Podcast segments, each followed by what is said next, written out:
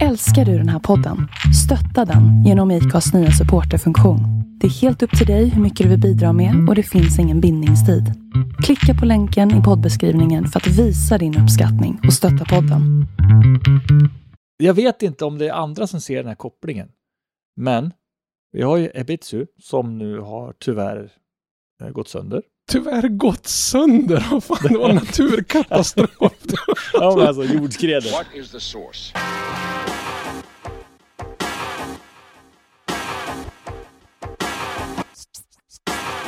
One, two, three, set it!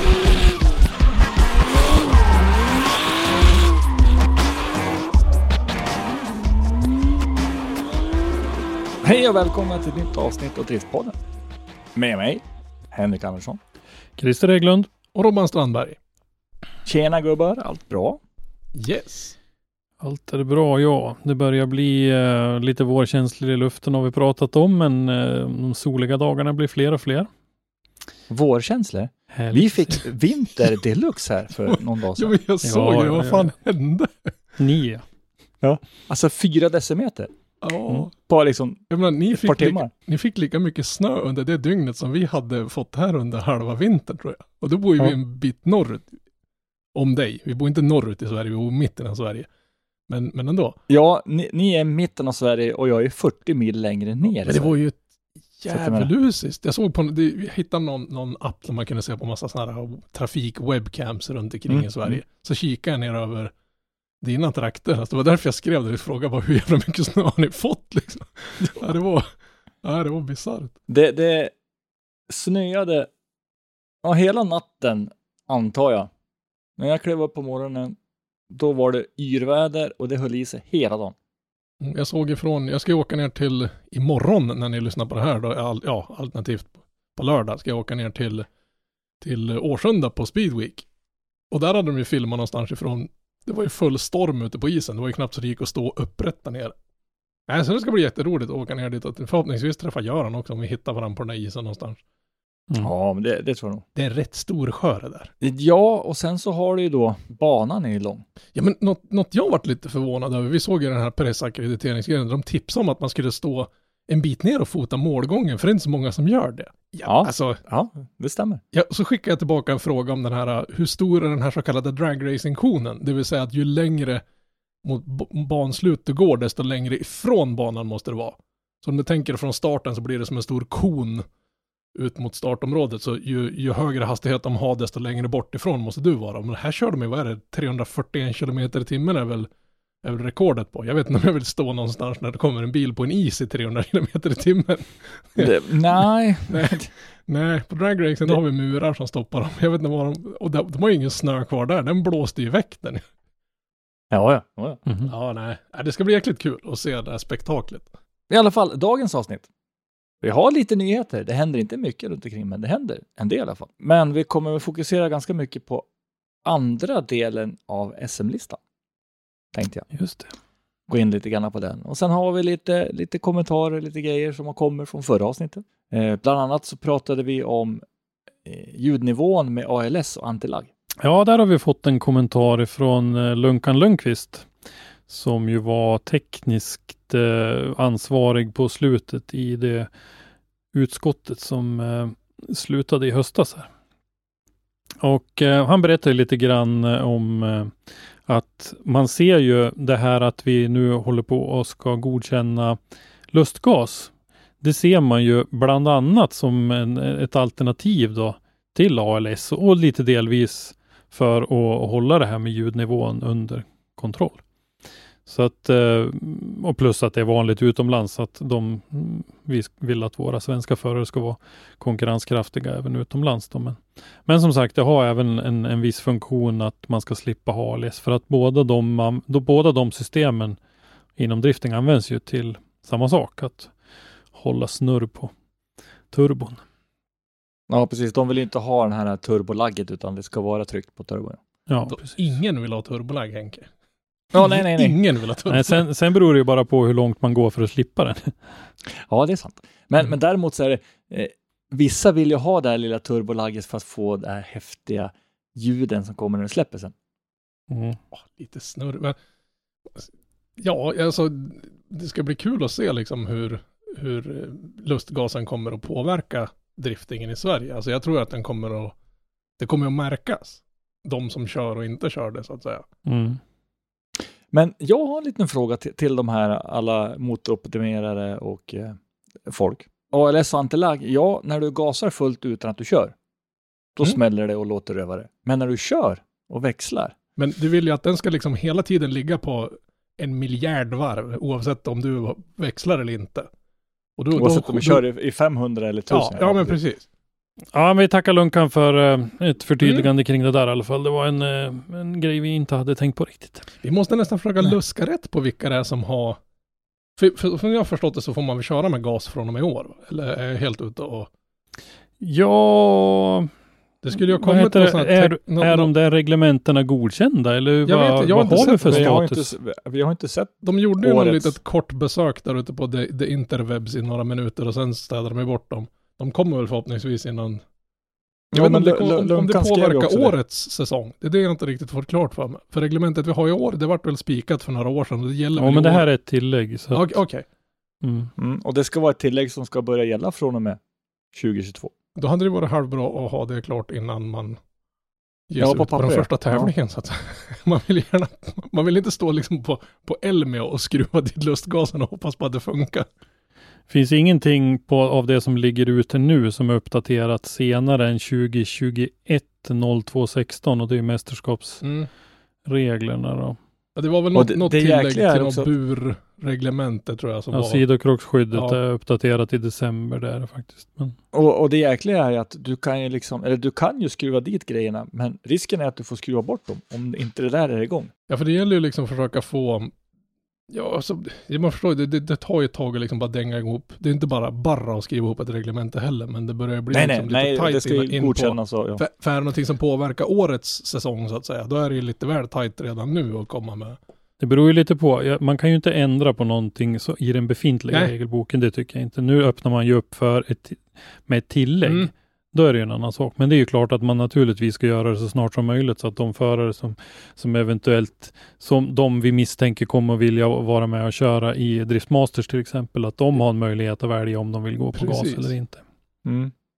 Så att eh, jag vet faktiskt inte riktigt vad det sitter i med, med de här reglerna, men det är som du säger, det är ju ganska många veckor sedan nu som de skulle komma ut strax igen. Så att vi, Ja, för jag menar, ja, alltså i, i racing rakt fram, då är det, då vill du ju ha kraft. Ja men då sopar du ju knuff. motorn för att den ska få i mer, vad man säga, syrebärande och sänka Ja. temperaturer och grejer så du, du får liksom en, en hårigare bang.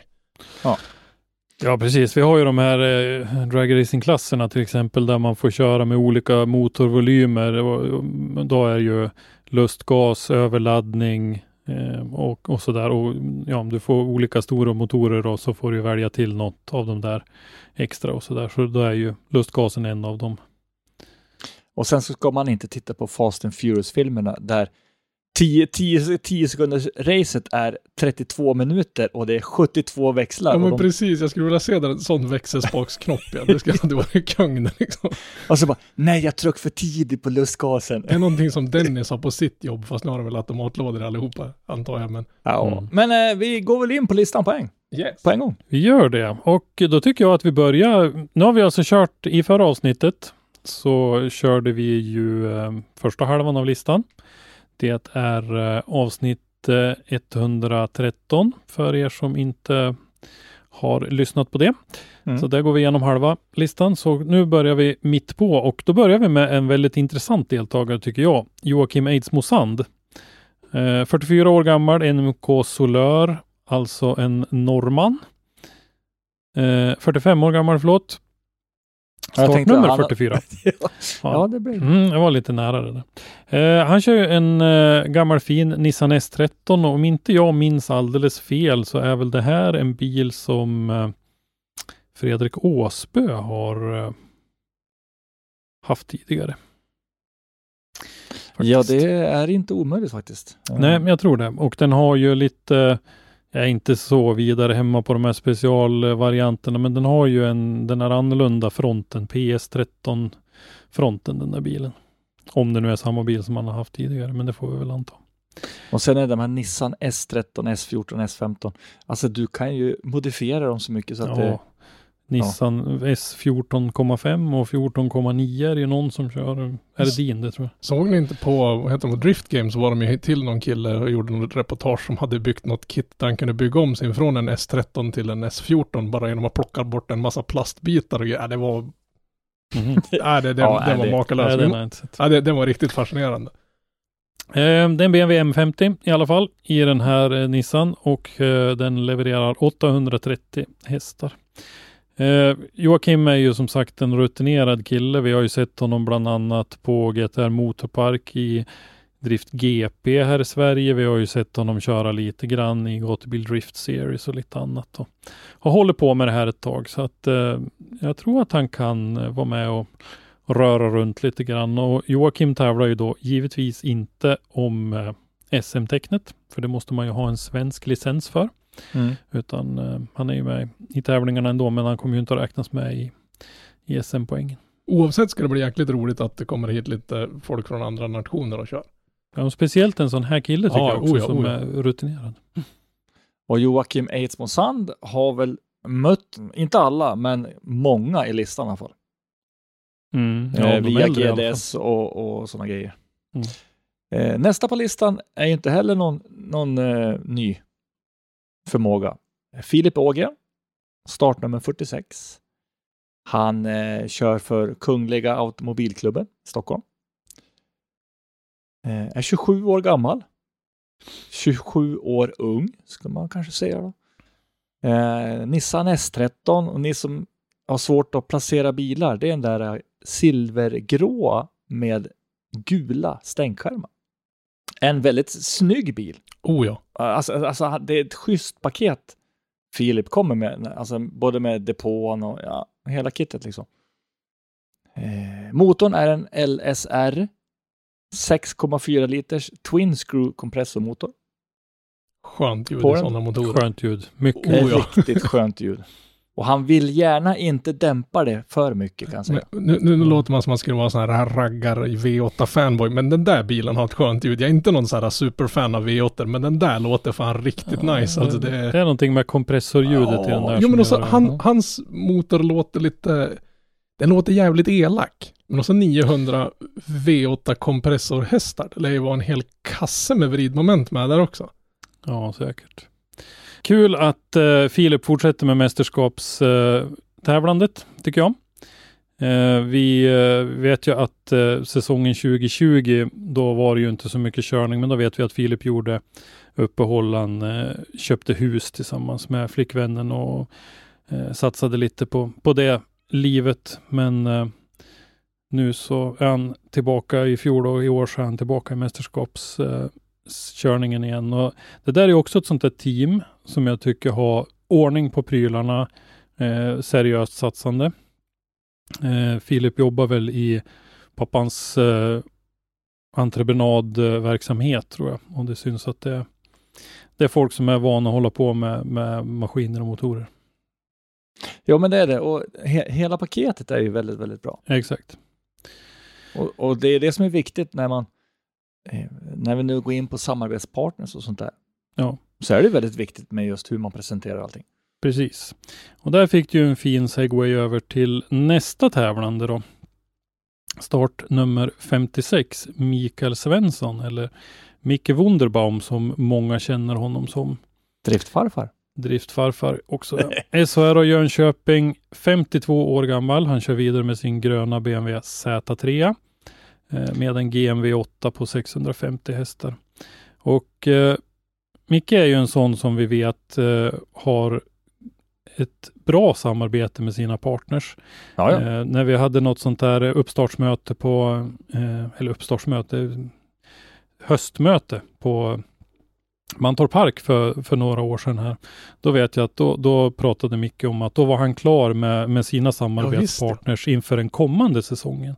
Då hade, Mm. vi, då hade vi precis, alltså på dagen innan, kört sista deltävlingen i, GDS det året. Då var han klar redan inför nästa säsong.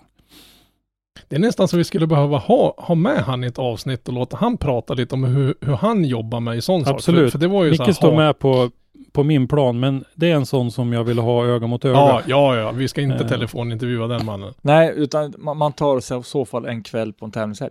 Ja, eller åker dit speciellt. Ja. Eh, vi, eh, det är ju också en kille som har otroligt mycket rutin. Han har ju varit och kört lite grann runt om i världen. Eh, han har varit i eh, Riga bland annat och kört vet jag. Han har ju varit i Japan på Ebisu och kört och han har ju gjort åtminstone en säsong i Nordamerika Mm. i eh, andra divisionen i Formula Drift. Han har ju ordning på torpet, det är ju ingen diskussion om den saken. För menar, Ja. har du redan innan den här säsongen är över klart med vilka som ska sponsra dig nästa år, då, då, Mm. det, alltså hur många idrottsmän generellt, och nu pratar vi inte bara, och möjligtvis någonstans uppe i F1 och de nivåerna. För Indycar, de har fan, de ska köra sin tävling imorgon om ni lyssnar på det här på fredagen, och de har, en del team har fortfarande inte klart med vilka sponsorer de ska ha. Mm. Nej, men det är egentligen så du måste jobba. Du måste ju jobba Ja, året viktigt. före. Det är ju liksom drömscenariot, men att nå dit och liksom hålla, ha sån ordning och så bra kontaktnät så man kan vara så redo innan säsongen är över. Jag tror att våra lyssnare börjar bli ganska trött på vårt tjatande om det här, men samtidigt så är det ganska viktigt för att vi ska få en hållbarhet i den, den här sporten i Sverige, att ni förare som lyssnar, att ni har ordning på era samarbetspartner och Ja, inte ja. behöver lägga ut alla de här pengarna ur egen ficka. Ja, Det är om, man- ett om man inte vill. Fåtal. Ja.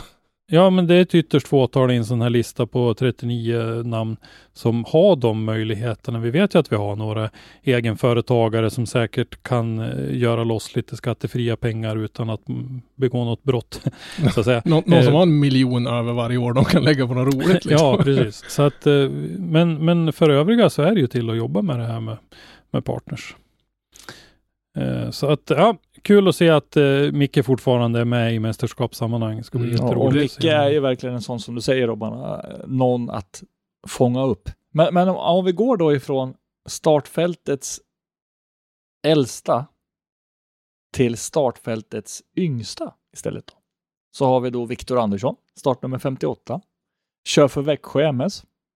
Eh, 19 år gammal nu. Det, det eh, var nyss jag tyckte han var 16. Ja, Det Han var det. För, för några år sedan var han det. innan Ja. covid var han det. Ja, Ja, ja, precis. Eh, kör en BMW E92. Eh, väldigt snygg, vill jag säga. Också en sån där som det är väldigt puts och studs och, och grejer runt omkring. I alla fall 2 JZ i den med 800 hästar. Den där effektsiffran får vi sätta en liten parentes på. För Jag det var den du hade jag, gjort en liten Ja, jag gjorde en liten uppskattning. Där. För det stod inget värde där. Men Viktor håller ju på att bygga ny bil, en GT86, men där är de ju lite försenade, så därför så har man ju valt att behålla och köra med eh, fjolårets bil istället. Mm. Eh, jättespännande förare, otroligt talangfull eh, och har ju haft framgångar i en del olika tävlingar. Han vann ju några, jag tror han vann båda Brejsladstävlingarna något år på, på gatubil bland annat. Och sådär. Så att eh, det finns eh, kunskap i den här unga killen och eh, det finns kunskap i familjen. De har ju kört lite eh, andra grenar också. För mig de håller på med någon rallycross bland annat lite grann och så. Men sen, men sen har man det att han har gått ifrån, alltså han har vuxit i Ja, sin driftingroll, vad man ska säga. han har gjort det. Han var ju lite omogen, inte så förvånande om man ser till åldern då när han kom in i det här och eh, har vuxit på sig ordentligt. Så att eh, det, det där kan mycket väl vara en utmanare om man får, om Gud vill och grejerna håller, brukar min gamla mamma säga. Ja, men alltså det är ju enormt viktigt. Det räcker Mm. med en, två tävlingar där det strular och inte få till det. Mm. Det. Och det kan ju räcka med att man har skruvat setupen fel och det tar dig fyra deltävlingar på att komma rätt igen. Mm. Det är lite det som är så tråkigt att, att vi har så jävla kort sommar. Det hade ju varit jäkligt smutt om man kunde riva av så här fyra, fem tävlingar i slutet av säsongen så har man en och en halv till två månader på sig att testa skiten innan man ska kastas in i tävlingssammanhang. Nu är det ju en del som, ja, kommer ju bokstavligt talat stå på Elmia och skruva ihop det sista. Mm, ja, så är det. Eh, nästa man är en gammal mästare faktiskt, eh, som eh, vann eh, RM Semipro första året, eh, Just det. 2017. Mm. Mattias Bengtsson, nämligen startnummer 60. Tävlar för MK Öresund, har hunnit bli 28 år gammal. Kör sin eh, Nissan S14 med en 1,5 JZ. eh, på 700 hästar. Och det där med 1,5 JZ, det är väl, hur är det nu? Visst är det en 2 JZ botten med en 1 JZ topp? Va? Jo, Ja. men jag vill minnas att det är så det. Man anser Ja. att det är bättre flöde i, i 1 JZ toppen.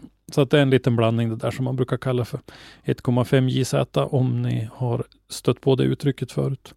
Eh, Mattias är en kille som det har strulat en hel del för efter den där framgångsrika säsongen. Han har ju eh, kört ihop med eh, Jap Tuning på senare år här och eh, har ju gott om resurser eh, genom dem då. Så att eh, om det vill sig och, och sådär, då tror jag att han kommer att vara med och fightas. Så vi hoppas att bilen håller ihop och sådär. Så. Tror att, för det finns absolut, då, det året när han vann RM, då var det stenhård konkurrens i RM. Så att det var, det var en bedrift det att ta hem det år- mästerskapet. Ja, det var ju året som det var extremt på. Ja, det var ex- exploderat. Både 2017 och 2018 var det extremt tufft i RM. Mm, otroligt många förare som tävlade. Nästa man till rakning. Filip Josefsson. Startnummer 61. Kör för Hedemora MK. Han är 25 år gammal. Och har sin BMW E36 eh, Touring. Det vill säga kombi. För den har han väl kvar? Ja. Precis. Absolut. En BMW E36 Touring med en M50 B28 motor på 820 hästar. Filip är ju den killen som kommer uppifrån RM. Precis. Och eh, jag sitter ju här när vi sänder nu med Jag tänkte säga det. Min, slaka mustascher eh, min ligger t-shirt. fan i tvätten tyvärr. Ja, Eh, det är ju eh, ett spännande gäng det där med Filip och vi kommer senare till hans teamkompis och eh, eh, jag såg nu faktiskt att för den som är intresserad av att höra mer om eh, slaka så är de väl med i eh, Onroaders Mm. nu. Både Albert och Filip tror jag ett avsnitt och sen Walter som är eh, de, de kallar honom för teamchef och spotter. Jag vet inte hur, hur pass officiell den där teamchefsrollen är. Det var han som såg så jäkla stressad ut i Sundsvall va? När det började gå Ja, bra för båda ja. killarna. Han sprang mellan depån och starten som en fläkt. Det var nästan Joel-varning på hur han sprang Ja. den dagen kan jag säga. Ja. Ja, så att eh, där kan ni höra mer om, om slaka mustascher. Men eh, det där är ett seriöst satsande gäng och eh, vi vet ju att Filip håller på att bygga ny bil också. Så vi hoppas ju att eh, hans eh, ekonomiska resurser räcker till att hålla igång BMWn under den här säsongen också så att han inte bara en, lägger på den nya. jag fick en så Mm. jäkla schysst bild på hans BMW i Sundsvall när han gjorde en liten, liten dirt drop alldeles innan mål så han dodgade ner det, vänster bakhjul så höger framhjul stod upp. Alltså det, det var så högt som man kunde fan med nästan gå raklång under det. Det såg så jävla brutalt ut. Jag tänkte nu går åt skogen men nej. Det är bara stenkoll på vad man håller på med. Ja, det ska bli skitkul att se han och hans teamkompis vad de kan göra upp i SM. För jag tyckte redan Mm. i fjol att det kändes på något sätt fel att se dem i RM. De var... Ja, men det var väl platsbrist som gjorde att SM var fullt så de ville Ja, köra de hade någonting. inga meriter sedan Nej. tidigare så att säga och då Nej. måste man visa. Och det tycker jag med all rätt att man, att, så att det ska vara så, att man kliver inte rakt in i en SM-klass. Nej, men på deras körningar såg det verkligen ut, inte ut som de saknade några meriter. Det var Nej. inte typ första gången de här grabbarna körde. Nej, eller? men absolut inte. Eh, nästa på listan är en eh, ganska nylig mästare faktiskt. Eh, det är eh, nummer 66, Linus Joensuu, som blev eh, svensk mästare 2019. Eh, tävlar för MSK Hammaren eh, från eh, Hallstahammar. Eh, 28 år gammal har Linus hunnit bli. Han är ju för övrigt också RM-mästare Mm. från eh, några år sedan här. Mm. Eh, Mm. och kör sin BMW E92 Eurofighter med en S54 B32 och ungefär 900 hästar. Linus och brorsan Viktor har ju varit ute och provat på lite grann i eh, Driftmasters och sådär. Har inte hört någonting hur de eh, kommer att göra i år, om de kommer att dubblera och köra både SM och DMEC eller hur de kommer att göra. Men eh, det är ju absolut vi pratar om team som har koll på grejerna och, och bröderna Joensuu och pappa Peter i, i spetsen med Det ser ut som ett jäkla F1-team när de rullar in med de Ja, stora tradarna. Liksom det, är, ja, det är mäktigt att se. Alltså. Ja, det är mäktigt. Och dessutom så är det ju faktiskt så att de har ju hjälpt otroligt många andra Oh ja. i depån också. De är aldrig omöjliga att hjälpa till om det ska svetsas eller vad det nu är för någonting. Och de har ju ett väldigt nära samarbete med eh, Marcus på 59 North Wheel och Secnova Sweden. Så att eh, jag vet att de har hjälpt till med eh, däck och grejer till eh, eh, andra förare och sådär också. Så att eh, det, de, de tar stor plats i depån på ett väldigt positivt Mm. sätt. Jag tänkte här, det det är inte bara yta utan det är hjärta också så att Nej. säga som de tar upp det. Precis. Nej, och vi vet ju på uh, RM-finalen till exempel, ska vi se, när det där var det 2017, när eh, vi hade en förare som eh, körde sönder sin bil då och gav upp. Han skulle inte köra någonting. Då var de ju inne i husbilen och i princip drog ut honom och tvingade ner honom i, i, i jag kommer inte ihåg om det var Linus eller Viktors eh, E46 då, då. Och eh, så han körde ju den, den tävlingen i alla fall då, i en lånad bil den killen. Men det är lite schysst. Så att- liksom, all, alla ska köra. Man ska åka till en tävling och så ska man, man ska köra klart tävlingen, punkt slut. Ja. Liksom. Så är det. Så Ja, att, men så ska det eh, vara. kul att eh, Linus är tillbaka i mästerskapet och kul att teamet är tillbaka i, Mhm. i depån också, helt klart. Helt klart. Och det är ju alltså BMW E92 Eurofighter. De Heter ser, här de ser elaka ut de där. Alltså jag har aldrig varit någon BMW-kille men när jag såg de där första gångerna så bara Fan, man kanske skulle köpa sig en BMW och ett kit. Men det var, när man, när man satt där sen gick in på HGKs webb och kollade bara, "Ah, men vad kan ett sånt här kit kosta? Så bara, nej, Bara, jag bara vill, plocka ihop de där delarna. jag vill nog bygga ett hus istället. Alltså det är så jävla Ja. summor så det är helt sjukt. Men det är det, tack vare, första gången man såg det där kittet, då har man ju bara sett glasfiberbilar som det bara sprider prylar överallt ifrån. Ser man de här bara trycka in arslet en decimeter mot muren och så bara! Så ploppar ut igen, precis som det vore modellera. Och så har de kanske på sin höjd lite lackskador. Så det är Mm. nog fan värt det. Om man ska bygga en seriös satsning så kan det nog vara värt att ha de här grejerna istället för att behöva stå och laga plast hela tiden. Jag vet att jag tjatar, mina barn säger att jag tjatar, men nu kommer vi tillbaka till det här med samarbetspartners. Nej. Kör en bil med en glasfiber eh, och så kör du sönder den där och så ser bilen ut som en påse skridskor som du brukar säga Robban. Mm. På sig Hur, ja. men hur, hur roligt är det för en samarbetspartner att synas med en bil som ser ut som en skrothög? Du vet och jag vet och föraren vet. att Det är ju bara att åka och hänga på. Han har ju en ny stöt hemma. Det är ju bara att hänga på den när han kommer hem. Men ändå, den tävlingen ser ju bilen ut som ett jävla skit. Ja, eller så får Helt man enkelt. göra, göra en grej av det som, som vår Öviks eh, vän här uppe gjorde, att, att man blir nästan orolig om man har stötfångaren kvar efter ett, ett race. Vad ska annars Joel springa och leta rätt på? Men Herman har, har han någonsin kört en hel, hel tävling utan att tappa stötfångaren en 30-40 gånger? Den bil, det var ju nästan som Ja. en gimmick så här, nästan på slutet. Ja. Ja, Ja, nej, men det, det är svårt. För, ja, men allt, allt handlar ju om presentation. Mm. Och har du en trasig bil, det syns ju på alla bilder mm. i media och så vidare. Och så vidare. ja, men alltså-. Men att de här grabbarna lägger ju ner sitt hjärta och själ att grejerna ska se bra ut. Det är klart som sjutton att de vill också att grejerna ska se bra ut, punkt slut. Jag Mm. menar, man skulle inte lägga ner så här mycket tid och puts och finish och liverin och sjukt snygga fälgar egentligen. Alltså, håller ni på med? Mm. Ni bygger skitsnygga utställningsbilar för att skrapa dem efter en mur. Har ni liksom checkat vad ni pysslar med egentligen? Alltså det... Och de har ju liksom inga skrupler alls. Liksom. Nej men alltså, där, kom, där kommer en mur och jag ligger i 140 i fullt ställ. Ja, men en, en del av de här bilarna skulle man ju typ hade man ägt det här som privatperson eller privatbil då tänkte man nej men det är risk för regn idag, jag tar den andra bilen istället. Alltså de här bara, ja men här kolla vi laddar 100 blås in mot en 90 graders mur som vi ska få, nej fy fan. Det är underbart att någon håller på med det. Alltså det, det Ja, men det är det som gör sportens... ja men det är Alltså, det som är så så- jävla fränt. Ja.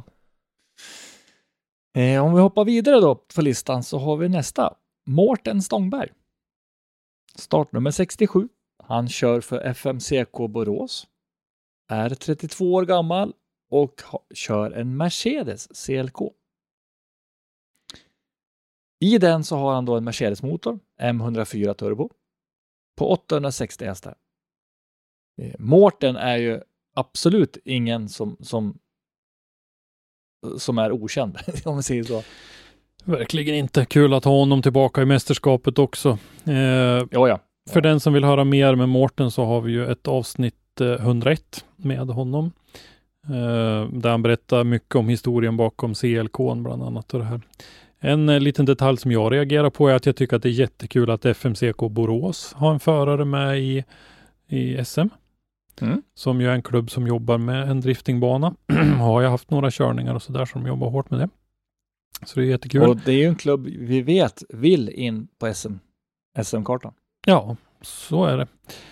Eh, Mårten har ju gjort något resultat eh, i eh, Gatubil Drift Series bland annat. Eh, kan han ha blivit 3-4 någon gång i en deltävling där. Det är med Mm. i, i poddavsnittet om ni lyssnar på det. Så att eh, det finns eh, kunskap där. Han har haft lite problem med eh, bilen. Det har ju varit lite hjulupphängningar och grejer som man har haft problem med att de har gått av. Så att eh, lite kul leder och sånt där som har krånglat. Ja, det har varit mycket sånt där som man inte tror. Ja, men man, Ja, man rullar inte iväg och köper ett Vicefab-kit i den här bilen. Det, det är liksom inte någon sån här Nej. som ligger på hyllan och bara dammar och väntar. Nej, Nej, vi pratar ju ganska mycket om det i poddavsnittet med honom, att eh, det är ju på två vis det där att välja en bil som ingen annan har. Köper du en Nissan S13 så då smälter du in i mängden liksom bara. Du är ingenting speciellt alls. Men då finns det saker att handla på hyllan. Väljer du en Mercedes CLK som Mårten gjorde så sticker det ut för den där, den där Mercedes CLK är ju en stor, stor del av liksom varumärket Mårten Stångberg och Team LoveTap. Ja, ja. Absolut, helt klart. Och, eh, men då har han ju fått uppfunnit mycket av grejerna till den själv också. Så att eh, det, är- det är på två vis det där. Men eh, jag tycker nog att Mårten gjorde rätt val. Och den där, det var lite olika liveries på den. Det var något år sedan som jag tyckte den var liksom peak snyggast med, som jag tyckte med, med livery och form på bilen så att säga. Ja, men han, han sticker ju alltid ut. Eh, nästa man är en kille som inte heller är helt orutinerad faktiskt. Han har kört en och annan tävling sedan tidigare. ja, lite lätt då. Startnummer 68, Christian Erlandsson, kör för Stenungsunds motorsällskap. 35 år gammal och kör sin mycket, mycket snygga Subaru BRZ med en 2JZ i på Obs, 950 inte en- hästar. Inte en Toyota GT86.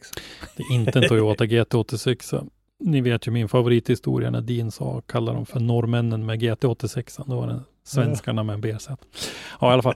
Ehm, så att eh, Christian har ju kört i eh, SM i rätt många år. Han körde i fjol också. Han har kört i DMEC. Sedan DMEC uppstod Mm. har han faktiskt Ja, det är många säsonger nu. Ja. Eh, vet så han han kommer att köra helt i år? klart rutinerad. Kommer han att köra något i år eller blir det bara, bara en SM-säsong? Nej, vi vet ju ingenting om någon som ska tävla i DMEC. Vi har ju faktiskt inte satt någon av dem i sträckbänken, men vi vet ju det mycket väl att de får ju inte berätta något om de är antagna eller inte. Så att, Nej, och vi har inte fått någon lista från DMEC heller. om- nej, om- vi har inte det. Vi vet ju att DMEC, vi ska prata lite mer om det längre fram här, men att DMEC kommer ju snart att släppa sina banor för året. Så då kommer nog eh, även listan med eh, vilka förare framöver. Men eh, jag tycker det är kul. Eh, Christian är ju en sån som eh, delfinansierar sitt eget missbruk om man, om man ska dra lite, lite paralleller till, till annan verksamhet. Nej, men skämt åsido. Han är jätteduktig kille som tillverkar mycket detaljer, speciellt motordetaljer till 2JZ, men mycket annat också, både svetsar och han eh, konstruerar och kör, eh, fräser fram detaljer och grejer sådär. Så att eh, det finns, det är många som kör omkring med Erlandssons olika prylar i, i sin bil. Så att det är en driftig kille som, han är ju faktiskt kusin med Mikael Johansson. Så att de har ju en gemensam sponsor i heter det Hjärtsdal Gårdsåkeri tror jag som väl är Ja, just det. Mm. nu är jag ute och killgissar igen, men jag tror att det är deras morfar som äger det där. Faktiskt. Det Så är bli oavsett jävligt kul att se han i SM. Ja, Jag helt tror klart. att han kan göra en, en, en rejäl skräll där, eller skräll är det väl inte om han gör bra ifrån sig, det är väl definitivt inte. Men jag tror han kan, han, vi kan nog räkna med att se han ganska högt upp i slutet på på säsongen. Ja, då. Eh, Christian har ju väldigt ofta fått väldiga lovord, framförallt från Demex eh, bedömare. Framförallt Precis. på träningar och sånt där. Ja, Men när det Ja. sitter, då sitter det ju så att det, det ser nästan löjligt bra ut. Alltså det är nästan Ja, ja. oförskämt bra ut. Och så blir det något Ja. klater som är, och det, den är jag hoppas liksom att han får möjligheten, om, om det blir så att han är sugen på att köra DMX och att han har liksom möjligheten att göra det, att han verkligen får den här, får verkligen möjligheten att visa hur jävla bra han är. Mm. För det råder ju ingen diskussion om absolut. att han är en av de bättre förarna vi har.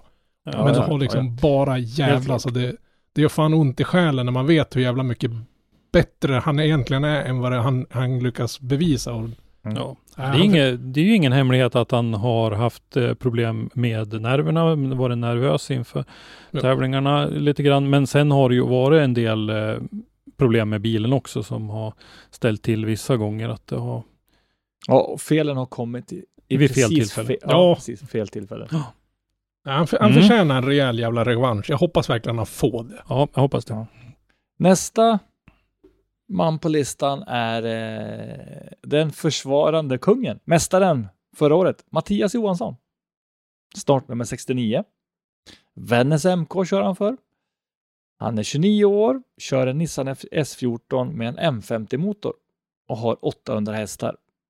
Precis, och en sak som var rolig med Mattias förra året var ju, han har ju alltid varit duktig att köra. Han är ju en av de största talanger jag tror jag har sett när det gäller att köra. Men eh, där har det ju varit lite så att det har varit lite olika folk. Ibland har han varit i princip ensam och sådär. Men inför förra säsongen så gick han ju ihop med eh, ett av de här gängen i Övik som hade haft eh, lite verksamhet tidigare då, High Coast Racing, de delar som var kvar av High Coast Racing. Och de beslutade sig för att köra en, en satsning gemensamt med Mattias som förare då. Och det gav ju resultat. Ja, ja, det är svårt att komma och lyckas bättre. Ja. Alltså, Ja men precis. Och jag tycker det är kul att Mattias är kvar i SM och försöker att försvara Ja, mästerskapet och inte ge sig iväg ut någonstans utan se till att han har got his shit together hel, hela och får den här säsongen att funka också. Så Snacka om att komma till start med en jävla press på sig. Alltså redan Mm. innan deltävling ett så, så, så har han ju allting på sina axlar. Men jag hoppas han klarar av att och, och, och baxa runt det under säsongen och kunna göra Ja, bra sen skulle han ju kunna prova något nytt. Han skulle ju kunna prova att köra en SM-säsong utan att ha en gipsad hand. Ja, det vore ju ett bra Ja, drag. dessutom ja. ja. Ja, det har han ju haft både säsongen 2018 och 2021. Vi har ju på jobbet, vi, vi jag jobbar i en bransch som, som där folk köper våran utrustning och så kastar de sig ut för branta slalombackar och grejer på trampcyklar och snowboards och skit. Vi har ju sådana handledsskydd som du skulle stå på näbben ordentligt så kan man inte kunna bryta handleden. Jag funderar på om jag ska ta med ett par och sponsra killstackaren med ett par sådana. Ja, det var ju en rejäl smäll med Ja, men Jim Olofsson uppe i det var- Sundsvall i fjol där. Så det var, det var tur att det inte gick värre än vad det gjorde. Men eh, nej, Mattias är absolut en utmanare. Eller en utmanare. Han är favorit. Han har, han, har stor, han har stor möjlighet att försvara sitt SM-tecken. Det ser jag absolut. Oh ja. Det är jag. Nästa gubbe då.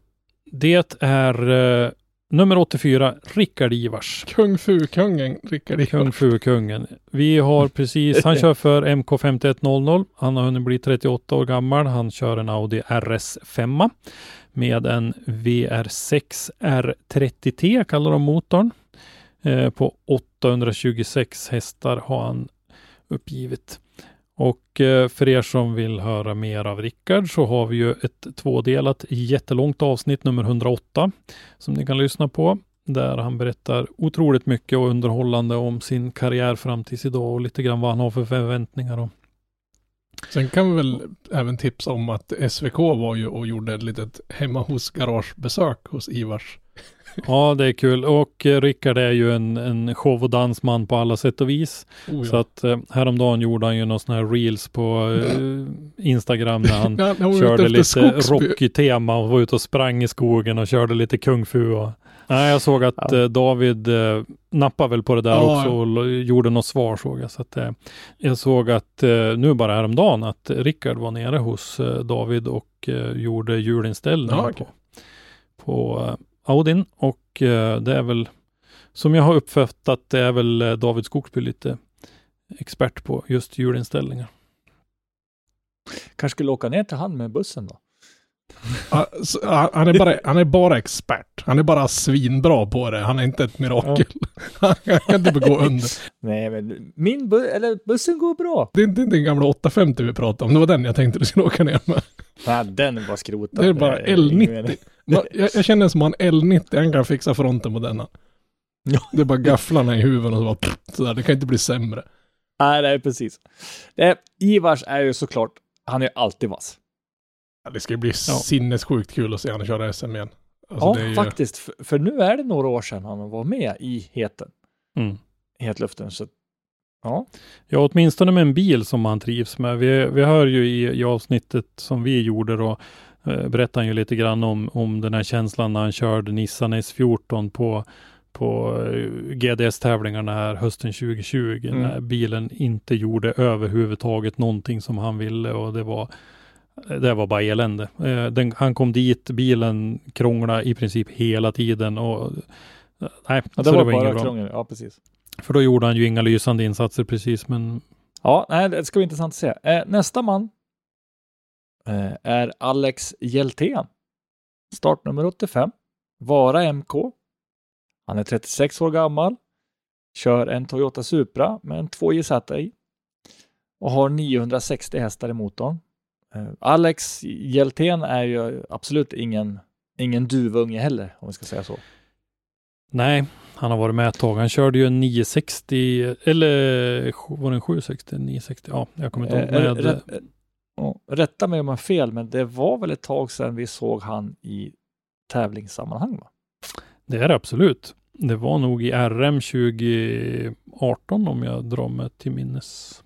Emil Wikmans eh, gamla Suprare där, som han eh, bytte till sig och sålde Volvon istället. Eh, jättekul att Alex är tillbaka. Det är också en personlighet tycker jag. Eh, har ju Oh ja, mycket rutin kring eh, driftingen och har ju varit bland annat med i Christian Erlandssons team ute runt om i Europa. Så att vi har ju träffat på honom eh, på banorna runt om när vi har varit ute. Mm. Kul att Alex är tillbaka som sagt. Eh, det är Ja, det är många som har ramlat tillbaka Mm. i år. Mm. Men det är liksom ett litet comeback-år. Ja, då har vi ytterligare en spännande deltagare i startnummer 87, Albert Eriksson, som kör för Hedemora Motorklubb. 25 år, Nissan S14 med en 6 liters V8 Pro Charger. Eh, och den är på 620 hästar. Albert hade ju lite bilproblem under förra året. Eh, Det var lite allt möjligt som krånglade för honom. Det var lite elfel som eh, gjorde att han inte kunde köra så mycket på träning och eh, det vart någon mursmäll i Sundsvall bland annat där han fick försöka snida ihop en ny framvagn på en fem minuter och sådär. Och, Som och, man gör. eh, ja, som man gör. Precis. Och eh, även på finalen då så eh, hade han växellådsproblem. Så. Men nu säger han att nu har de eh, haft en, en hel vinter på sig att fixa grejer så att eh, de har höga förväntningar. Och, eh, han, eh, vi, vi konstaterade ju att han hade minst effekt i, i startfältet med Ja, just det. det? Ja. 620 hästar eller vad Men det var det jag tyckte så här att att Pro Charger brukar ju kunna hosta ur sig ganska rejält. Ja, han, Albert berättar för oss att han har beställt en ny drevsats till sin Pro Charger Mm. så att det är på gång med, med mer effekt. Det är lite street race att åka Pro Charger. Jag vet inte riktigt om det är samma motor, men bilen har ju gått i DMEC bland annat eh, för eh, team, eh, vad heter de, Berserk heter de i Norge va. Så att det är ju en, det är en välbyggd bil, helt klart. Och eh, Nissan S14 som sagt och teamkompisen eh, Filip håller ju på att bygga en S14 också så att de kanske tänker sig att eh, ha lite synergier där då, lite färre reservdelar och lite sånt. Men det, det är inte så många team som har likadana bilar. Om vi ser på Johansson brödernas bilar, det, det är liksom Mm. Alltså jag har ju än idag inte lärt mig skilja dem åt. Det är helt hopplöst. Alltså jag kommer aldrig att lyckas med det. Jag får, Va- stor- Varje tävling så frågar man vilken färg hade Viktor? Ja, nej, men alltså det där var- är ju, det där, men alltså det ska bli, jag tycker, jag gillar när man bygger likadana bilar och samma livery-stuk på dem. Jag gillar att man har lite skillnader på dem. Mm. Så det är inte två stycken Ferrari-röda bilar. Men, men ja, jag hoppas de här grabbarna kommer ha liksom ett enhetlig look på bilarna. Jag tycker sånt är lite snyggt. Eh, nästa på listan, också från Hedemora MK. Andreas Staberg, eh, topp 3 2021, startnummer 89. Han är 32 år gammal, kör Nissan S13 med en 4,4 liters V8 turbo på 700 hästar. Eh, är då klubbkompis, klubbkamrat med eh, Albert och Filip till exempel. Precis, de är ju ett gäng därifrån Hedemora.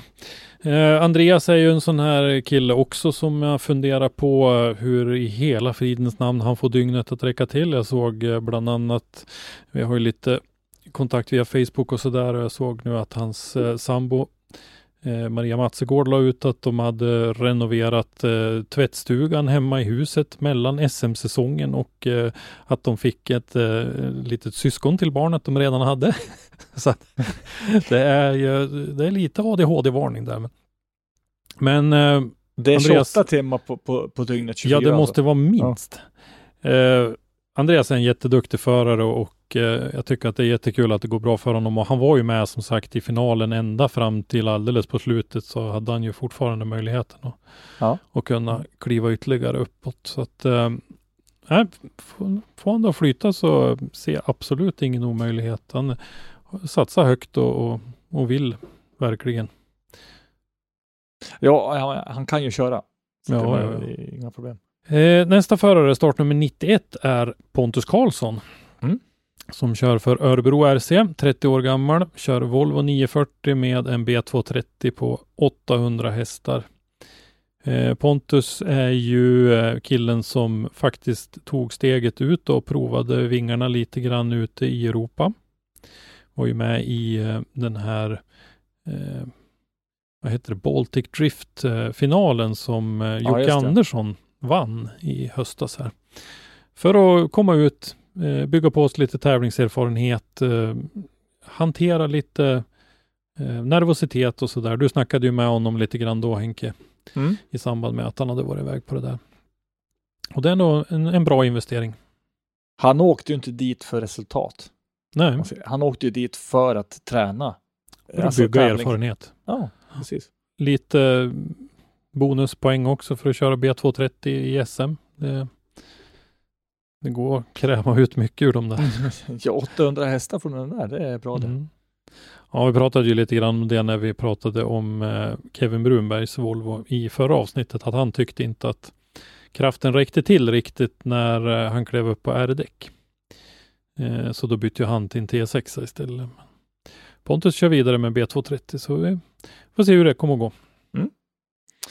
Nästa gubbe på listan, eller gubbe, det är lillebror i Drift Brothers, eh, Victor Juensu. Startnummer 96, kör också för MSK Hammaren.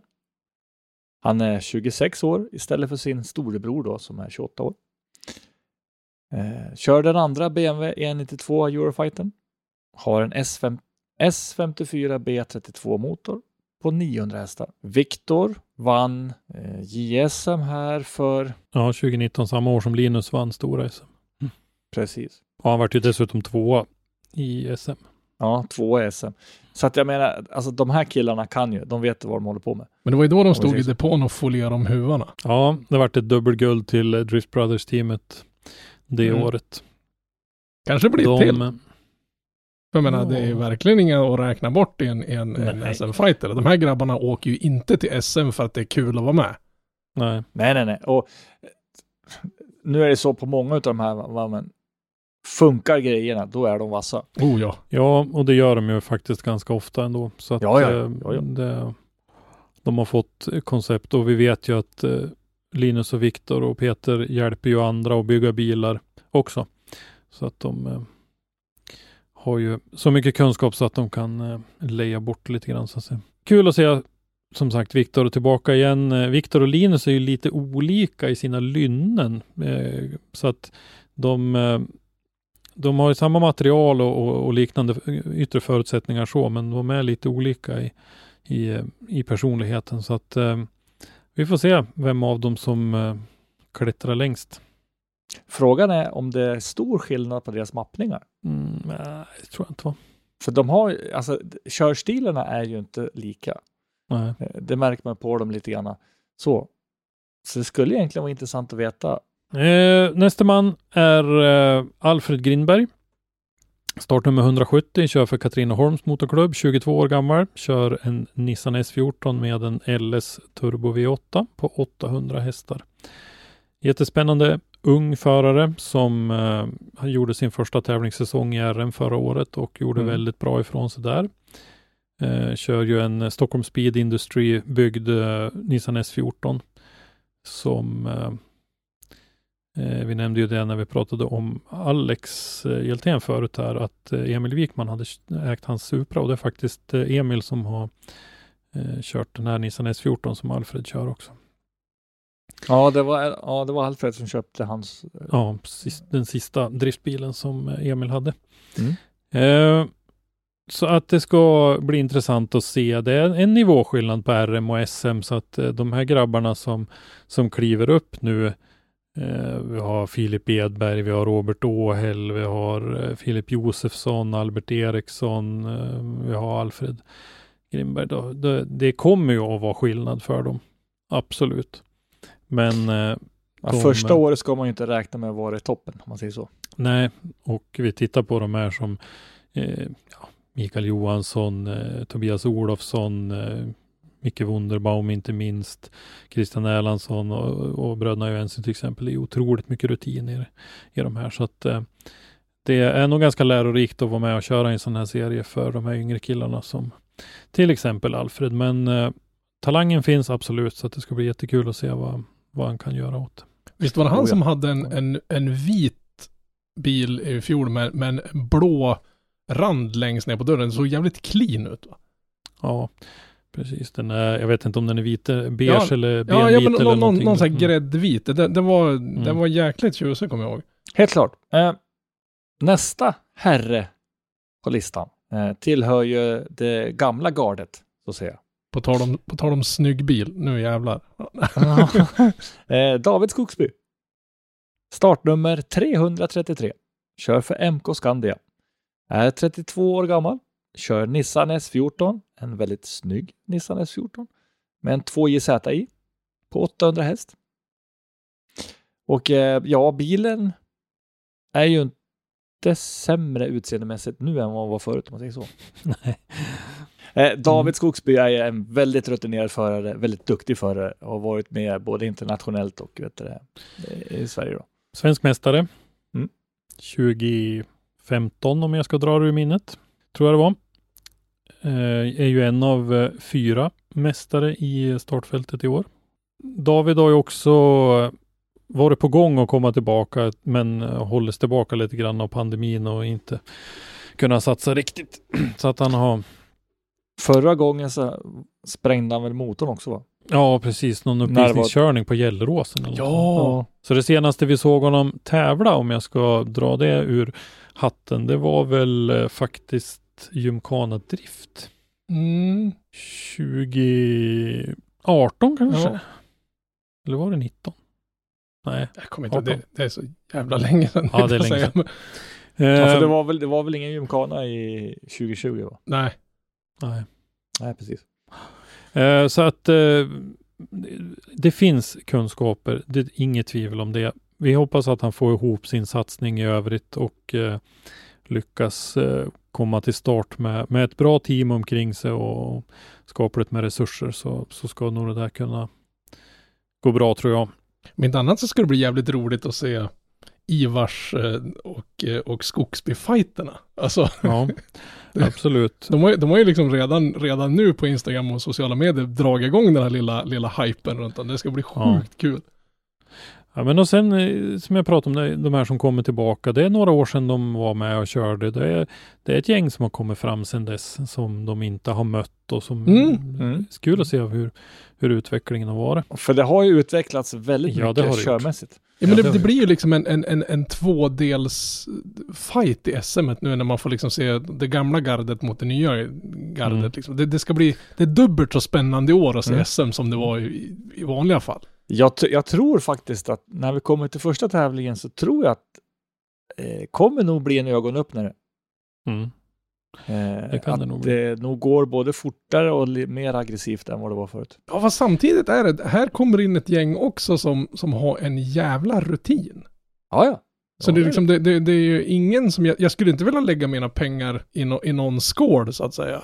Utan Nej, det är nog, nej, nej, nej, nej. nej. det, är nog, det är nog fan hugget Vi- som stucket. Det kan bli, Eh, Jim Olofsson är sista föraren på listan. Startnummer 563. Vännäs Motorklubb. 33 år gammal har Jim hunnit bli. Eh, kör sin eh, gamla trogna BMW E30 som ju har varit med om ett och annat. Eh, med en M50 på 650 hästar. Jag tänkte Ganska- säga så här, den där har väl legat på ryggläggaren. ja, och även bilen. det var bilen jag tänkte på. Eh, nej, men ganska lite effekt. Jag vet, eh, jag såg lite grann när Jim öppnade motorn i den där. Har ju ett nära samarbete med Payback Lubricants och eh, tittade lite grann på lager och grejer och den såg ju otroligt fin ut får man säga för det har gått fyra säsonger och jag kommer inte ihåg hur många hundra däck han skrev han hade eldat upp med den här. Ja, nej men eh, om vi fortsätter sammanfattningen av hela listan då så tycker jag att det är som ni säger, det är ju jättekul att se eh, den här fighten mellan det här lite äldre gardet nu då som en del har varit med hela tiden. Eh, Henrik Johansson och, och några till som har varit, Tony Averstedt bland annat som har varit med. Och så har vi ett gäng som har varit borta några år ifrån SM som kommer tillbaka.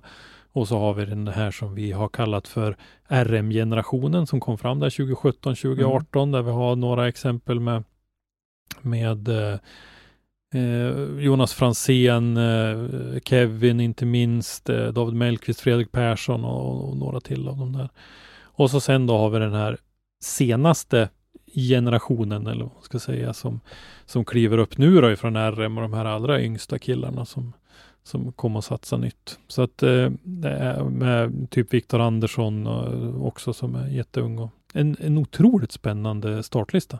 det är åt Mm. helvete för långt kvar till Elmia.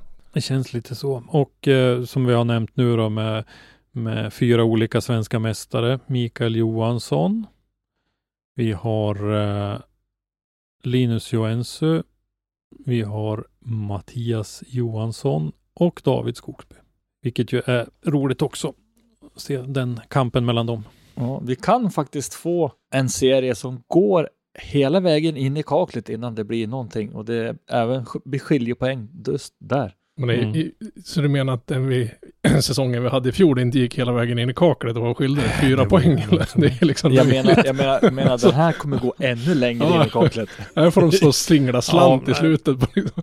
ja, nej, Får vi uppleva en sån säsong till som vi fick 2021 där det avgjordes där i, i eh, de, eh, vad var det, det var, i, det var inte i finalen utan det var när Mattias gick vidare till, Ja, från topp 8 till topp Ja. 4. ja det var något sånt. Eh, så det var ju ända in i slutet i alla fall. Så att eh, då, då ska vi vara jättenöjda och jag tror att vi, jag tror att vi kommer hamna där. Ja, kollar man Ja. på startlistan så har vi alla förutsättningar i världen att få en sjukt Absolut. spännande säsong. Ja, då har vi gått igenom eh, SM-listan, men vi tänker väl att vi i något kommande avsnitt här går igenom RM-listan. Mm. Mm. lite grann också. Det är ju lite svårare för oss eftersom att eh, vi känner ju inte till de förarna riktigt på samma sätt. Men eh, vi kan ju prata lite grann om dem i alla fall och, och det är ju mer nya förare, nya namn i, i den listan. Ja, men så är det. Ja. Förutom Jim Nordqvist. Åldermannen. Åldermannen. Men det ska bli intressant. Som sagt var, vi tar ju nästa lista sen. Har ni något nå tillägg eller några funderingar, tänkte jag på? Eller att ni hörde någonting som ni vill eh, förklara ytterligare eller ge oss lite mer info om, gör det. Kortfattat, har vi haft fel nu igen? Det låter osannolikt. Ja, ja men precis. Eller har det hänt något intressant som man vill dela med sig? Så gör det. Precis. Men eh, jag tror att vi ska bryta av med något annat avsnitt innan vi går på nästa lista så att Mm. vi inte tråkar Ja. ut våra lyssnare. Jag tror vi ska köra något intervjuprogram eller något.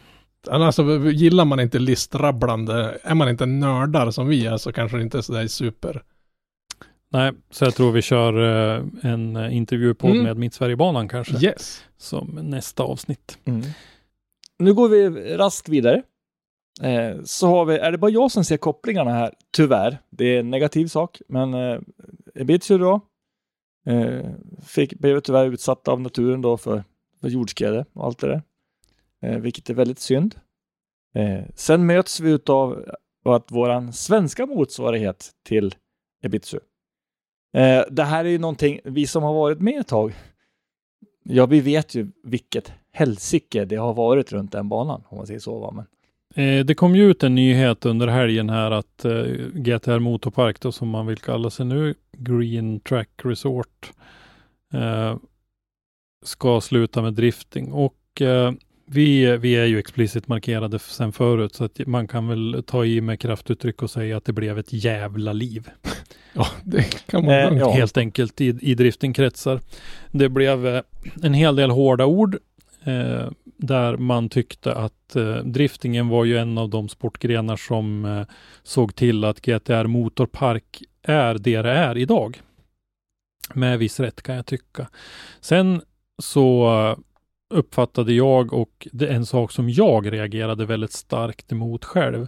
Det var att man Shama är ju ett väldigt populärt uttryck i, i, den moderna vokabulären. Man shameade driftingen som en miljöbov i Mhm. den där eh, det, var, det var jävligt klumpigt formulerat av dem. Precis. och, Och- formuleringen var ju just miljötänket. Miljöshaming tycker jag att det var. Ja.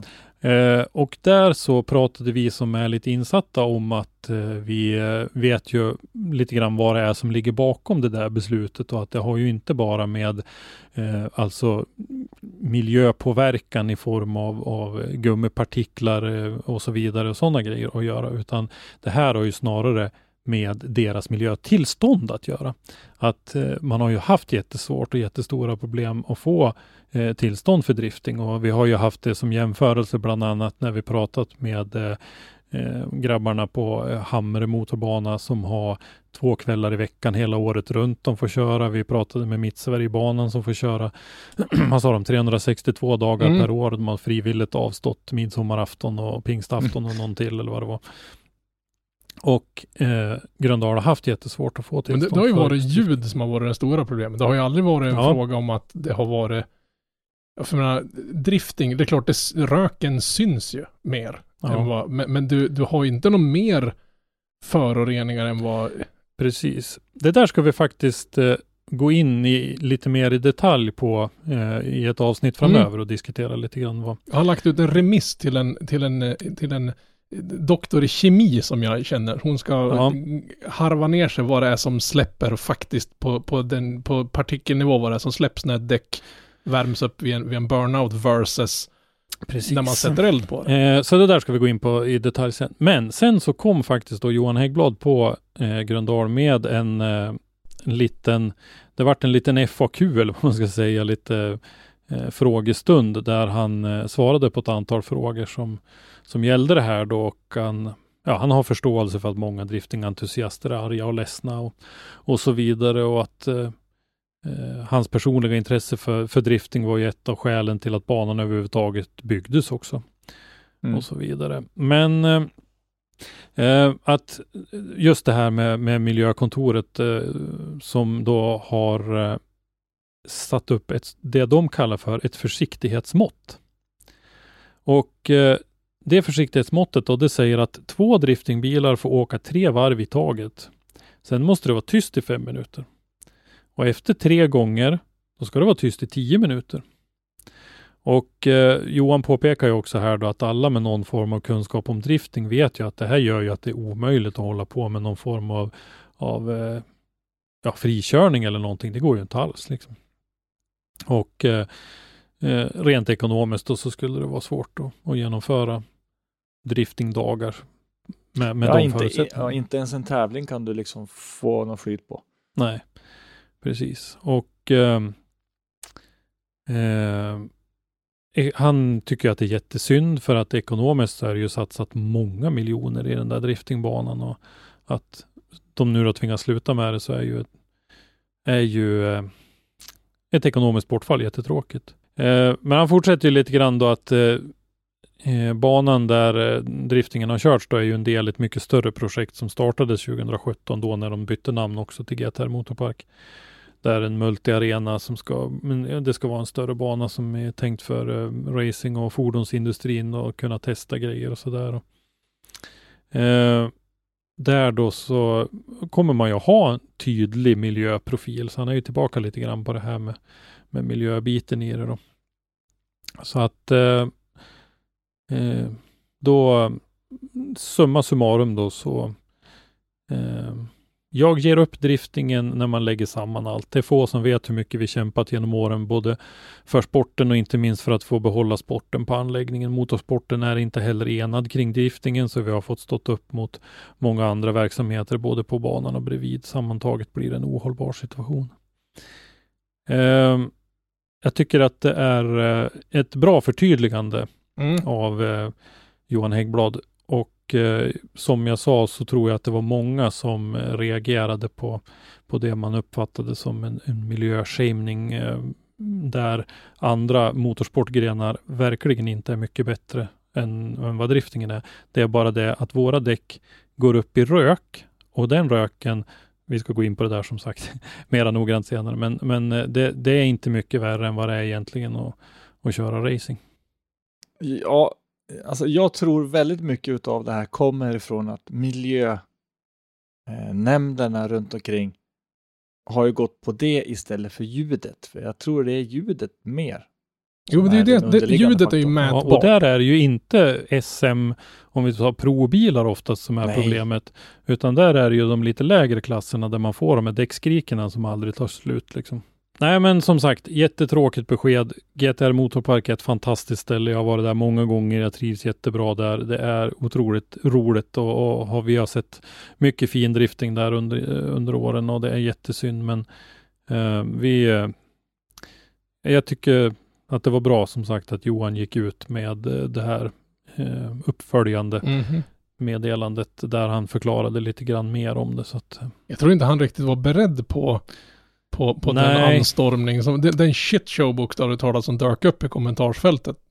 mm. Och det, det Sen för, kan man ju jag, jag också förstår ju. tycka att det, det är lite ovårdat eh, i kommentarsfältet, men det är ju den, eh, den, le, den tiden vi lever i så att säga. Man behöver ju inte vräka ur sig exakt vad som, vad som helst. Men eh, Ja, men det, det är synd och det är synd för det var så pass fint område. Det hade kunnat blivit så mycket mer. ja, vi får se om vi får tillfälle att åka till eh, GTR Motorpark eh, i något annat. Ja, syfte. det hoppas jag. Jag åker titta på elgokarta. Eh, från det ena till det femte till det tredje. Eh, vi satt ju och killgissade förra eh, programmet. Det är så man får kontakt med folk. Man bara Ja. random slänger ut någon vild gissning om något. Eh, och där vi, där vi gissade på vad Simon Olsen skulle göra. Skulle han fortsätta eller vad skulle han göra? någonting? För vi såg Precis. att han hade sålt grejer då. Mm. Ja, och då hörde ju Simen av sig till oss och eh, är otroligt glädjande att höra att Simen är en av våra trogna lyssnare. Det värmer gott i hjärtat. Oh ja. Eh, och eh, han tycker att det är roligt att vi följer med eh, i vad han gör för någonting och eh, angående nästa säsong så kan jag säga att vi har köpt en ny rigg tillsammans med Jonathan Hurst som också Ah. kör i FD. Vi ska köra full säsong i FD i år också. Två stycken eh, från eh, teamet reser ner kommande måndag och kör en del uppgraderingar på bilen. Så reser jag ner 5 mars tillsammans med en till och ska köra lite testning eh, innan säsongens första deltävling går på Long Beach 1 april. Fan vad Häftigt, kul. för han, han, han, han, alltså det var en grym säsong. Ja, han imponerade. Och eh, nu så ser jag, det dyker upp lite chattmeddelanden här, så eh, ser jag faktiskt att det diskuteras eh, i våran Motorsportmagasinet eh, chatt att det är tre stycken normen bekräftade till Formula Drift. Va? Och det ska då vara Simon Olsen då, som vi säger. Det är Fredrik Åsbö och Ola Jäger. Oh fan. Eh, får vi se om Ola tar klivet upp. Han har ju kört i Pro 2 eller Pro Spec tidigare. Men han kör vidare med sin eh, bil. Simen. Ja, Ja, ja för Ja. Se, de skulle Ola bara får, vi får hoppas att han har en bil. Ja. Nej, men han, han skulle bara, springa han, runt de, Du sa ju att de skulle över och uppgradera bilen bara. Ja, alltså Simen ja. ja. Ja. precis. Nej, men eh, det, precis, den ska uppgraderas lite grann. Då. Och så som sagt då dela trailer och grejer med Jonathan Hurst eh, framöver här. Och det, det var ju det vi sa lite grann det här med, med Siemens första år där borta. Att eh, eh mycket går nog åt till att knyta kontakter och, och komma in i, i det här. Liksom, man är ju en outsider ändå om man kommer in i det här. Vi, vi har ju ett gäng i Formula Drift som har varit med och kört sedan den här serien drog igång. Mm. Och eh, det kanske inte är bara att knacka på och bli med i gemenskapen, utan det tar en liten stund att man Men jag tror, sina tror att man måste liksom, vad ska man säga, visa någon form av resultat innan man får någon respekt där borta. Jag tror det är be- betydligt mycket hårdare, det här är också en killgissning, men jag tror det är mycket hårdare att kliva in i FD och få någon liksom det kan det respekt. nog vara. Och jag tror ju han, men tittar man på fjolårets säsong så måste han ju ha vunnit det med, med hästlängder. Mm. Så det ska bli sjukt roligt att se i år. Absolut. Vänta Och vi, ser, vi har ju en del, eh, bara så att vi, vi förstår att det är inte bara att kliva in där och göra resultat. Vi har ju bland annat den där italienaren som har kört sin Ferrari och Han, han, Han- med fracken. har han gått- har han gått vidare från topp 32 en gång. Liksom. Ja men då var det Så nog att- för att det var så många som körde bort. Så- Ja, Ja, nej, alltså, kan det vara. Nej men så jag menar, vi har ju ett, ändå ett antal förare som har varit med ett tag där borta och, och som inte har, har överhuvudtaget uppnått det som, som Simen lyckades göra under sin första säsong. Så att det, nej, det är lovande. Det här betyder alltså att jag sitter och är positivt och förväntansfull och längtar efter att FD ska dra igång. Vänta här nu. Det här, Ja, nej. det här, Nu är det upp och ner vända världen. här. ja, det här, det här kan inte vara bra. Det är många serier vi, vi behöver följa nu. Alltså det är ja, det är det. Formula Drift, DMEC, det är eh, Indy och ja. När får vi några svenskar som kör då? För nu har vi tre norrmän som har Mm. visat att skåpet, det nordiska skåpet ska stå. Nu får vi ju fan Nej, snart skärpa oss. Inte vad vi hört i alla fall. Inte vad vi har hört. Eh, vi borde ha fått hört någonting om det var någonting på gång där tycker jag. Alltså om vi jämför utöver Wunderbaums satsning i Pro 2 så har det väl inte varit någon svensk som har varit tilltänkt på FD. Ja, inte på ett tag borta från han som var först att vinna. Var väl indirekt svensk. Ja, Hubinett. Ja, jag jo, tänkte var säga, vem, vem, vem var Ja, men vi har haft några till också, eller någon till i alla fall. Men, men eh, det, det är några år sedan som sagt. Det är det. Nej, jag, jag vet ingen som har uttalat eh, ett solklart mål och, och komma över dit inom rimlig tid. Nej, vet jag inte. Eh, om vi håller oss kvar vid efter lite grann då så är det ju lite kul att se också att eh, Papadakis Racing håller ju på att bygga nu då en GR86 eh, inför den här säsongen. Och eh, började ju med den, är det två veckor sedan kanske? Mm, jag tror det var Mm. något sånt. Och, Vem ska eh, köra den då? Ken Gushi som ska köra den. Ja, men man säger ju eh, att mm, vi har en inkörningstid på en nybyggd bil och, och så vidare. Och så, man, man ser ju där lite grann vilka fullblodsproffs eh, Papadakis Racing är med, med Stefan Papadakis själv i, i, i solklart i spetsen som drar igång ett sånt här bygge om vi säger mitten av februari och ska vara klar första april. Och jag, kom, jag är helt övertygad om att de kommer att stå där och vara klar. Och jag är helt övertygad om att den där bilen kommer att leverera. Vi såg ju eh, Fredrik Åsbö vann väl, om jag inte minns alldeles fel, så vann han väl första deltävlingen han ställde upp med, med nya Supran. Ja, de hade Mm. ju Det lite, barnsjukdomar i den med motorer Jo, som inte höll och Det hade sådär. de, men, men jag vill minnas ändå att han vann första deltävlingen med den.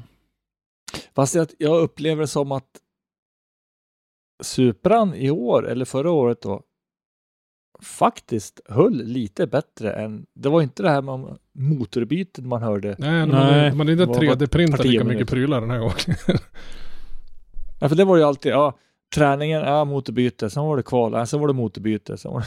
Men det är lite fränt också. Han, han anammar ju alltid den absolut senaste och modernaste tekniken som att 3D-printa prylar till motorn och sådana här saker. Jag menar, folk sitter hemma av 3D-printarna i lilla töntiga, vad heter det, boxerbåten och överlyckade att han lyckas få ut någonting ur en 3D-printer. Den där killen står och pr- printar halva motorer liksom. Det är, det är fascinerande. Det som är grejen med det där, jag som är mekanisk konstruktör kan ju säga det att det där är ju en, en revolution som är så stor så att man har svårt att fatta den. Mhm. Därför att vi, vi är uppfostrade med tillverkningsmetoder som har begränsat oss i Ja, det är gärna, Hur- alltså, hur- din, din hur länge fantasi har ju sätter ju mer stopp än vad, vad tekniken gör Precis, just nu. det är ju där vi måste försöka släppa fri och det är ju där en sån som Stefan Papadakis kan och där de gör säkert CFD-beräkningar, flödesberäkningar och så vidare för att kunna alltså fine-tuna det där insuget in i minsta detalj för att få rätt flöden, lika flöden till alla cylindrar och så vidare. Men jag gillar att han, han är, Papadakis verkar inte vara en kille som, som sig. Han skaffade ju någon RAV4 för han skulle fisa runt på någon jävla offroad-grej. med. Och så sa han väl att, ja men den här ska vi bara fixa lite högre markfrigång på så är det bra. Och nu har det ju liksom gått vetenskap i dämparutprövning och bygga om halva chassit för att få dit bättre fjädrar och dämpare och grejer. Det, det är jävligt kul att följa. Ja, men det, det är duktiga killar. Eh, nog om det. Ska vi gå in på eh, vårat eh, allvarligaste läge vi har haft på länge? Eh, Mm. Inte i Sverige då, men, men eh, Än, än så länge i alla fall. ja, de här då ryssarna som då av någon anledning är väldigt sugna på Ukraina. Delar av Ukraina i alla fall. Mhm. Ja. Till att börja med. Och för Vi, oss då är det, alltså för oss är det ju, ja, Ukraina och Ryssland, det är jättehemskt och hoppas det inte blir någonting, men vi tänker mer på RDS. Och hur kommer Ryssland att bete sig i allt det här sen? Ja, och hur kommer det att vara för utländska förare? Vi har ju pratat lite grann om det här tidigare med James Dean och eh, de bland annat. Mm.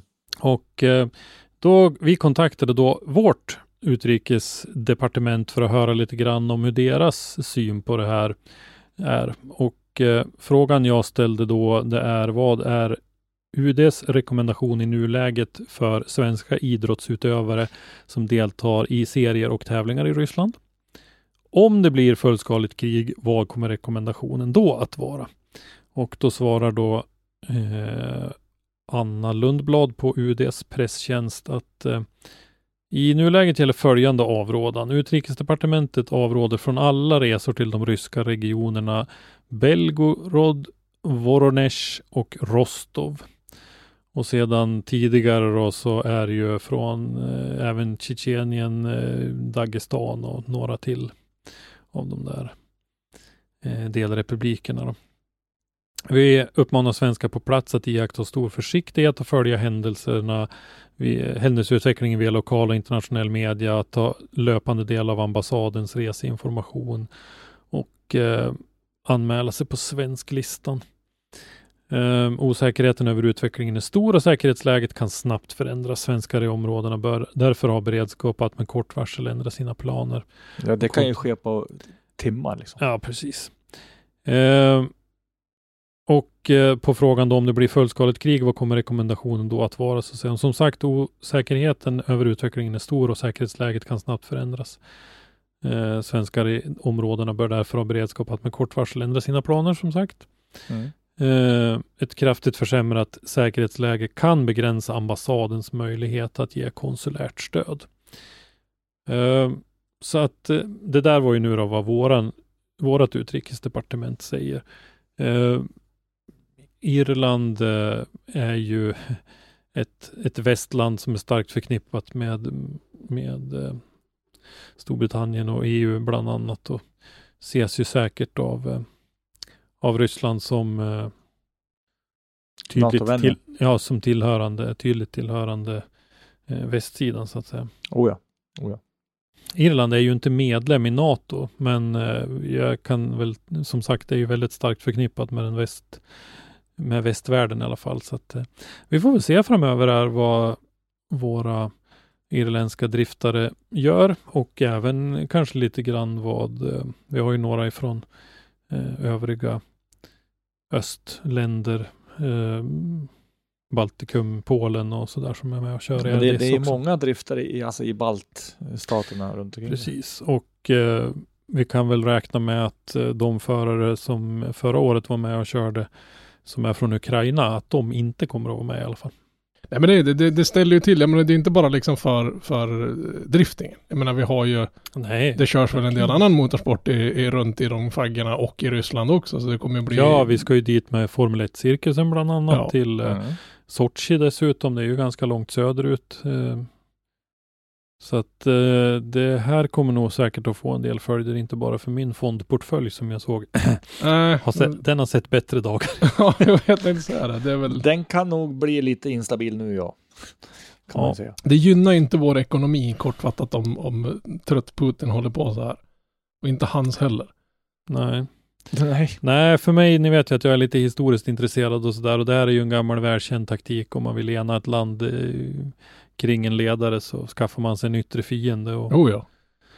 och sen är det ju gamla klassiska eh, sådana här påverkanskampanjer där man säger att Ukraina eh, alltid har varit ryskt och sådär. Jag, jag såg en sammanställning som en, en ukrainsk kvinna hade skrivit ihop om det där att Kiev grundade fakt grundades faktiskt år 487. Och då var inte den eh, ryska, det som senare blev Ryssland, var inte ens påtänkt. Nej, det var jag tänkte så det var bara typ- släppt där då. på 1200-talet någon gång. Så jag Det var liksom tun, tundra Ukraina och så var det. väldigt gammalt. Kiev en gammal stad och Ukraina en, en gammal statsbildning. Så att, eh, som ju förvisso har ingått i, i lite olika genom åren här. Och det var väl både, både varit frivilligt och ofrivilligt att de har ingått i diverse olika Ja. Precis, det ingick ju när eh, bland annat eh, Polen, Litauen var ett jättestort land ett tag så ingick Ukraina och delar av Belarus i. Vi får se vad det blir av det där. Eh, Vi följer naturligtvis läget av andra orsaker också, men även lite grann med tanke på RDS. Och med den nyheten Jaha, blev det Nej. inte bomb nu då när det, Nej. när det passar sig med bomb? nu, nu när det en gång jag skulle passa mig hålla på. Glöm inte att följa oss på Facebook, Instagram och ni hittar oss under Motorsportmagasinet på bägge ställena. Dagliga nyheter för motorsportvärlden hittar ni som vanligt på motorsportmagasinet.se där ni även kan handla t-shirts och massa annat kul i vår merch, store. Gör gärna det. Stötta oss gärna genom Ja. att eh, köpa lite grejer. Eh, det går lite pengar för varje plagg som säljs eh, till eh, våran verksamhet och det satsar ju vi direkt tillbaka i att skapa mer nyheter för er. Så att eh, det går tillbaka in i verksamheten alltihop. Men i alla fall då, ha det så bra så hörs vi nästa gång. Ta hand om varandra där ute. Ha det bra. Hej då! Hej då! Tack för att du har lyssnat. Lyssna gärna på våra tidigare avsnitt och glöm inte att ge oss betyg i din podcastapp. Har du ett ämne eller en gäst som du vill att vi tar med i Driftpodden så skicka oss ett meddelande på Driftpoddens eller Motorsportmagasinets sociala medier. Eller skicka ett mejl till oss på driftpodden gmail.com. I dagens avsnitt har du hört Henrik Andersson, Christer Hägglund och Robban Strandberg. Ljudpåläggning och slutmix Robban Strandberg. Driftpodden produceras i samarbete med Motorsportmagasinet och Powerslide Media AB och produktionsåret var 2022.